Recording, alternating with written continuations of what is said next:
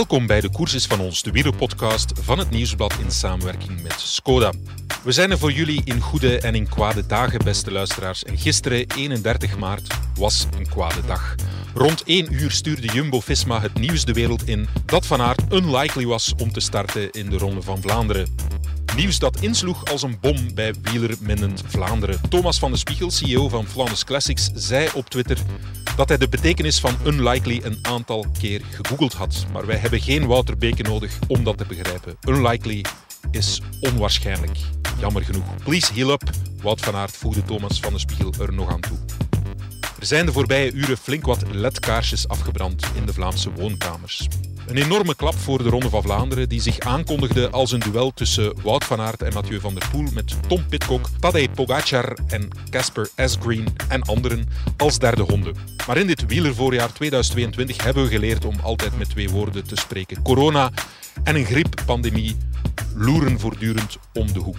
Hoe voorzichtig we ook zijn, ook wij hebben het lot getart. In mijn inleiding van onze sterren voor de Ronde van Vlaanderen sprak ik dat we ondanks de vele ziektes toch een heel mooi deelnemersveld fit aan de start van de ronde zouden krijgen. Met Wout van Aert, Mathieu van der Poel en Tom Pitcock. Maar kijk, je spreekt iets uit en het is al achterhaald.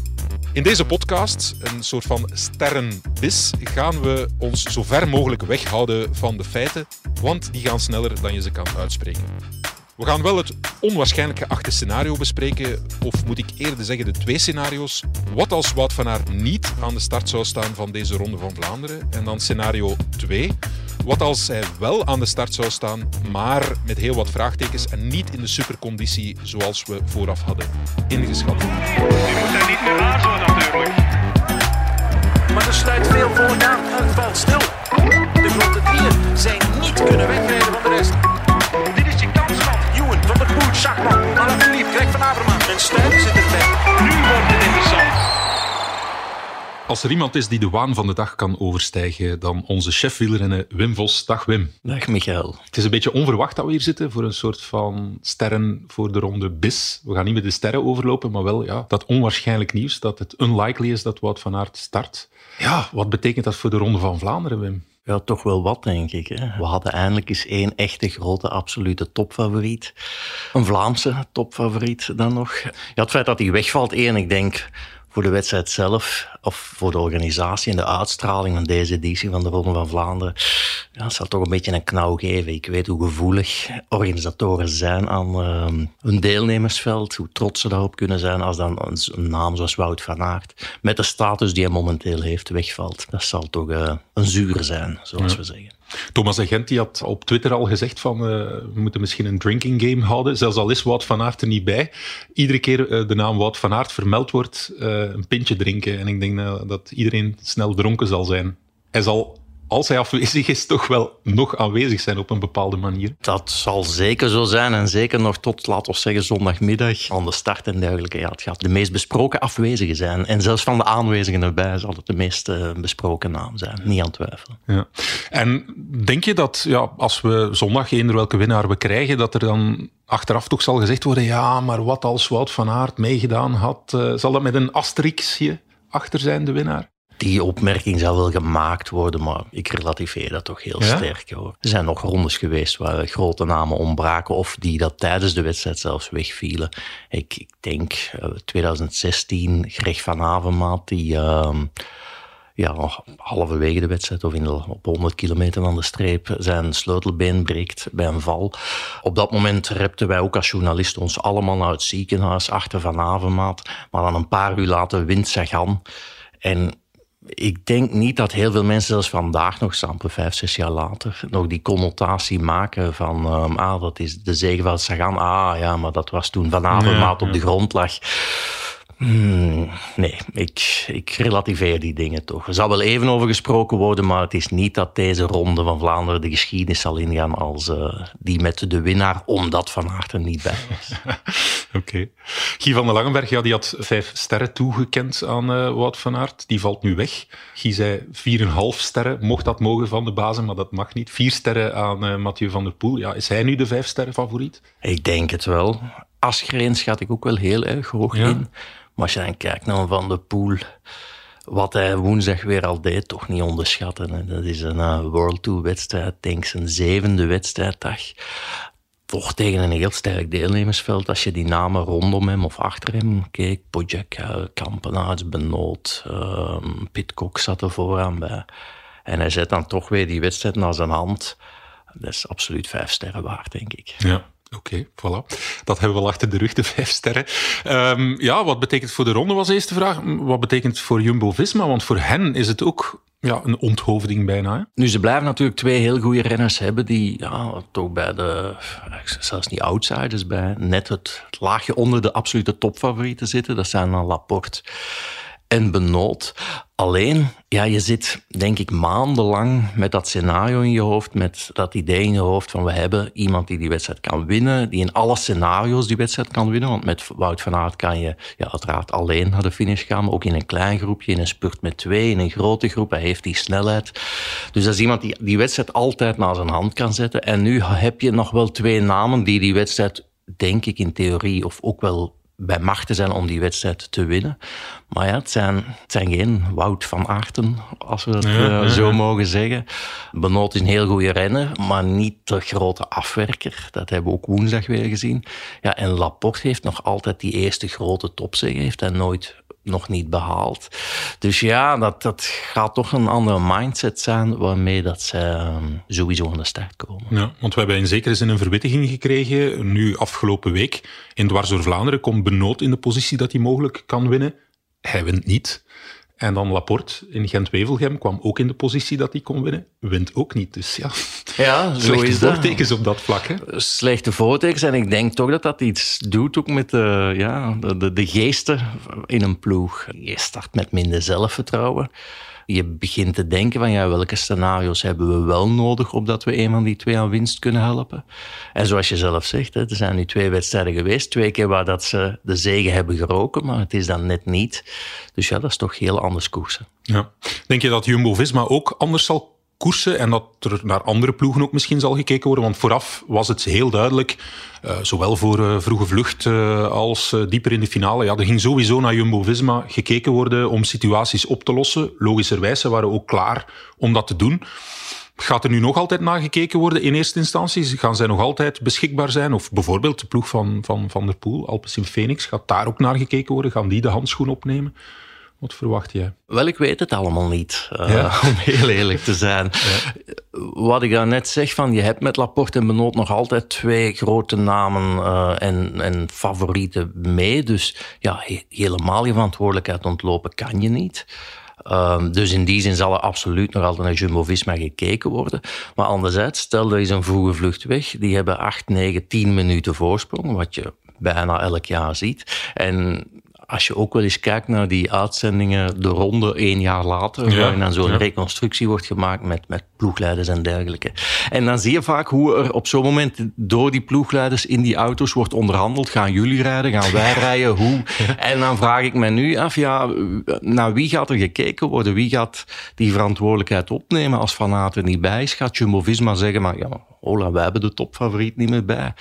Quickstep, die het eigenlijk denk ik jaar na jaar hebben gedaan en die ook een traditie in hebben met iemand zoals Tim de Klerk. Ja, Quickstep hangt al weken in de touwen, zullen we maar zeggen. Dus die gaan ook zeggen van, even niet aan ons. Um, ja, en bij wie kom je dan uit? Bij, bij UAE, ook weinig ervaring op Vlaamse mm -hmm. wegen. Bahrein, hetzelfde. Dus ja, er gaat heel veel naar elkaar gekeken worden en niemand gaat echt die ijzers uit het vuur willen halen, denk ik. Tenzij misschien, ja, Alpes in Phoenix, maar één, je moet het ook nog kunnen. Je moet er de ploeg voor hebben niet helemaal zeker als ik dan naar Alpes in Phoenix kijk. Plus die hebben ook weer niet die traditie. Daar is het meestal van, van de pool zelf die, niet in de vroege vlucht natuurlijk, maar wel al vroeg in de wedstrijd zo'n wedstrijd openbreekt. En, en een wedstrijd met zijn ploeg laten controleren. Dat is er niet zo heel vaak bij, bij Alpes in Phoenix. Dus ja, je gaat toch wat rare situaties ja. krijgen, denk ik. Maar we krijgen wel een interessant extra pigment, uh, zeg maar. De VRT zendt uh, de ronde integraal uit. Die vroege vlucht zal vertrekken. En dan, ja, wat gaat er dan gebeuren? Wie gaat zich organiseren? Dat is al een, een eerste moment uh, dat interessanter wordt. Ja, ik denk dat wel. Ja. Ik denk dat inderdaad een aantal ploegen met elkaar moeten gaan praten nu. Om heel eerlijk te zijn, de Ronde van Vlaanderen is zo'n lange en zware wedstrijd.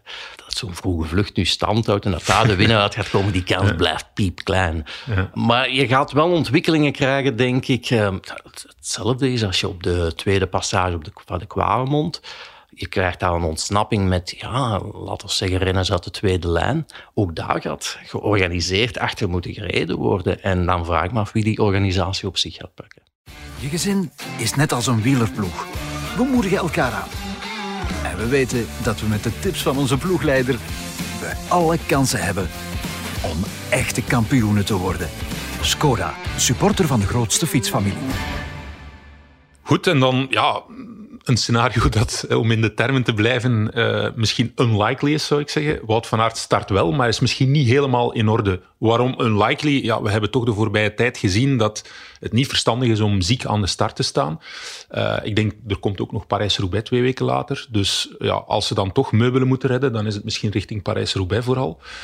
Dus het is minder likely, denk ik, dat Wout van Aert ja, in een soort van halve toestand aan de start zou staan. Maar kan dat op een of andere manier? En wat zou dat doen met de wedstrijd? ik ben natuurlijk geen dokter en al zeker niet de huisdokter van Wout van Aert. Dus het is heel moeilijk in te schatten. Nee, ik vermoed, als hij aan de start staat, dan zal hij fris en fit zijn. Ja. En dan gaat er ook op die manier naar Jumbo-Visma gekeken worden. Dus dan gaan zij toch ziek geweest of niet, die wedstrijd moeten dragen, die verantwoordelijkheid moeten nemen. Dus in die zin, aan de start is opnieuw in die status van topfavoriet. Ja. Ze gaan niet bij de onderhandelingen moeten zeggen: ja, maar wat Van Aert voelt zich toch niet lekker. Eh. Dat denk ik niet. Dat gaat niet, niet dat wegkomen. gaat niet werken bij de andere ploegen. Uh, het enige wat misschien Jumbo-Visma kan slash zal doen, is ja, iets meer die andere twee pionnen, Laporte, Benoot, achter de hand houden. Terwijl ik denk dat in de, de voorbije weken toch het scenario eigenlijk maar één scenario was bij Jumbo-Visma. Dat was voluit de kaart van Aert trekken. Hmm. Terwijl als hij nu aan de start zou komen met dan nog een ziektekiempje in dat lijf. Um, dat ze misschien iets meer dan toch de kansen noodlapport zullen gaaf houden. Ja. Ik heb uh, voor de start ook telkens interviews gedaan. En Sepp van Marken is dan altijd zo'n uh, brave ziel die langskomt uh, voor onze microfoon. En die zei eigenlijk iedere keer hetzelfde voor elke koers. Van ja, Parijs-Roubaix, dat is het enige waar ik nog hoop. En goed dat die Franse presidentsverkiezingen er zijn, dat het een week later is ja, dat is misschien, gaat misschien nog iemand zijn die dat zal zeggen, Wout van Aert. Nee, maar het zou kunnen dat hij, ja, dat hij daar dan misschien wel weer uh, alle pijlen kan oprichten. Ja, dat is in zekere zin dan zijn geluk bij een ongeluk zeker. Ja. Uh, dat inderdaad twee weken tussen zit, wat toch een week meer is om je hmm. lichaam te laten herstellen van die griep of van die ziekte. Hmm. En dat zal zeker welkom zijn. Ja. Alleen ja, het is een beetje afwachten hoe, hoe zwaar zo'n griep er bij een topsporter in topvorm bij hmm. in, op inakt. Onze zeer gewaardeerde columnist Mark Sergeant die zegt altijd van ja, in deze periode ga je eens beter goed tegen de grond, loop wat schaafwonden op, maar na drie dagen zit je terug op de fiets en je behoudt je conditie en je vorm dan dat je ziek wordt. Mm. En uh, dat zit toch veel langer in je lijf. Dikwijls, je kijkt ook naar Yves Lampaard. Um, die is ziek geworden, ik dacht, in de periode Parijs-Nice. Dan zijn we nu twee, bijna drie weken verder. Mm. En als je hem ziet rijden, het is toch niet de Lampaard die, die we kennen. Dus ja, dat kan toch langer in je lichaam zitten dan je wil. Het is natuurlijk speculeren wat er precies aan de hand is. Goed, het feit dat ze een persbericht uitzenden met unlikely doet wel vermoeden dat het toch iets meer is dan uh, slecht geslapen te hebben. Maar goed, we zullen het afwachten. En ik heb zeker en vast geleerd om met twee woorden te spreken. Langs de andere kant, ik heb eens uh, geïnformeerd bij een huisdokter in Gent, bevriende huisdokter. En die zei dat ja, een griep dat je toch moet rekenen, en zeker dan voor een topsporter, dat dat toch zeven tot tien dagen in je lijf kan blijven zitten. Dus dat, dat is wel stevig. Verkoudheid, dan spreken we over vijf tot zeven dagen. Dus ja, ik denk wat uh, Max Sergeant zegt, dat dat inderdaad wel uh, wel zo is. Ja, en dan, dan ben je hersteld van die griep. Maar ja, wat doet dat dan met je conditie? Dat is nog een tweede vraag. Als je dat ook nog eens terug moet inhalen, ja, dan wordt Parijs-Roubaix toch ook weer nipt, denk ik. Maar bon, laten we niet doen denken. Over twee weken zal hij erbij zijn en een Wout van Aert aan de start van Parijs-Roubaix is sowieso een favoriet. Ja, Voilà, mooie woorden om te eindigen. Ik verwijs graag naar onze sterren van de ronde die we vooraf opgenomen hebben met uh, Guy van den Langenberg. Want los van alles wat we over Wout van Aert gezegd hebben, zit er nog heel wat interessants in. En dan kan je ook onze sterren beluisteren met de bemerking dat uh, Mathieu van der Poel een rang opschuift, vijf sterren krijgt. Voilà, Wim Vos, bedankt om uh, ja, in te springen, zal ik maar zeggen, voor dit unlikely scenario met ons te bespreken. Graag gedaan, Michael. Afsluiten doen wij altijd eh, in dankbaarheid. Dank aan Skoda. Dank aan het Nieuwsblad, de krant van de koers. Ook in dagen zonder Wout van Aert. Dank aan House of Media om ons goed te laten klinken. En vooral dank aan jullie, beste luisteraars. We zijn er terug na de ronde met een in de perszaal. Graag tot dan. Niet natuurlijk. Maar er sluit veel voor aan valt stil. De grote dieren zijn niet kunnen wegrijden.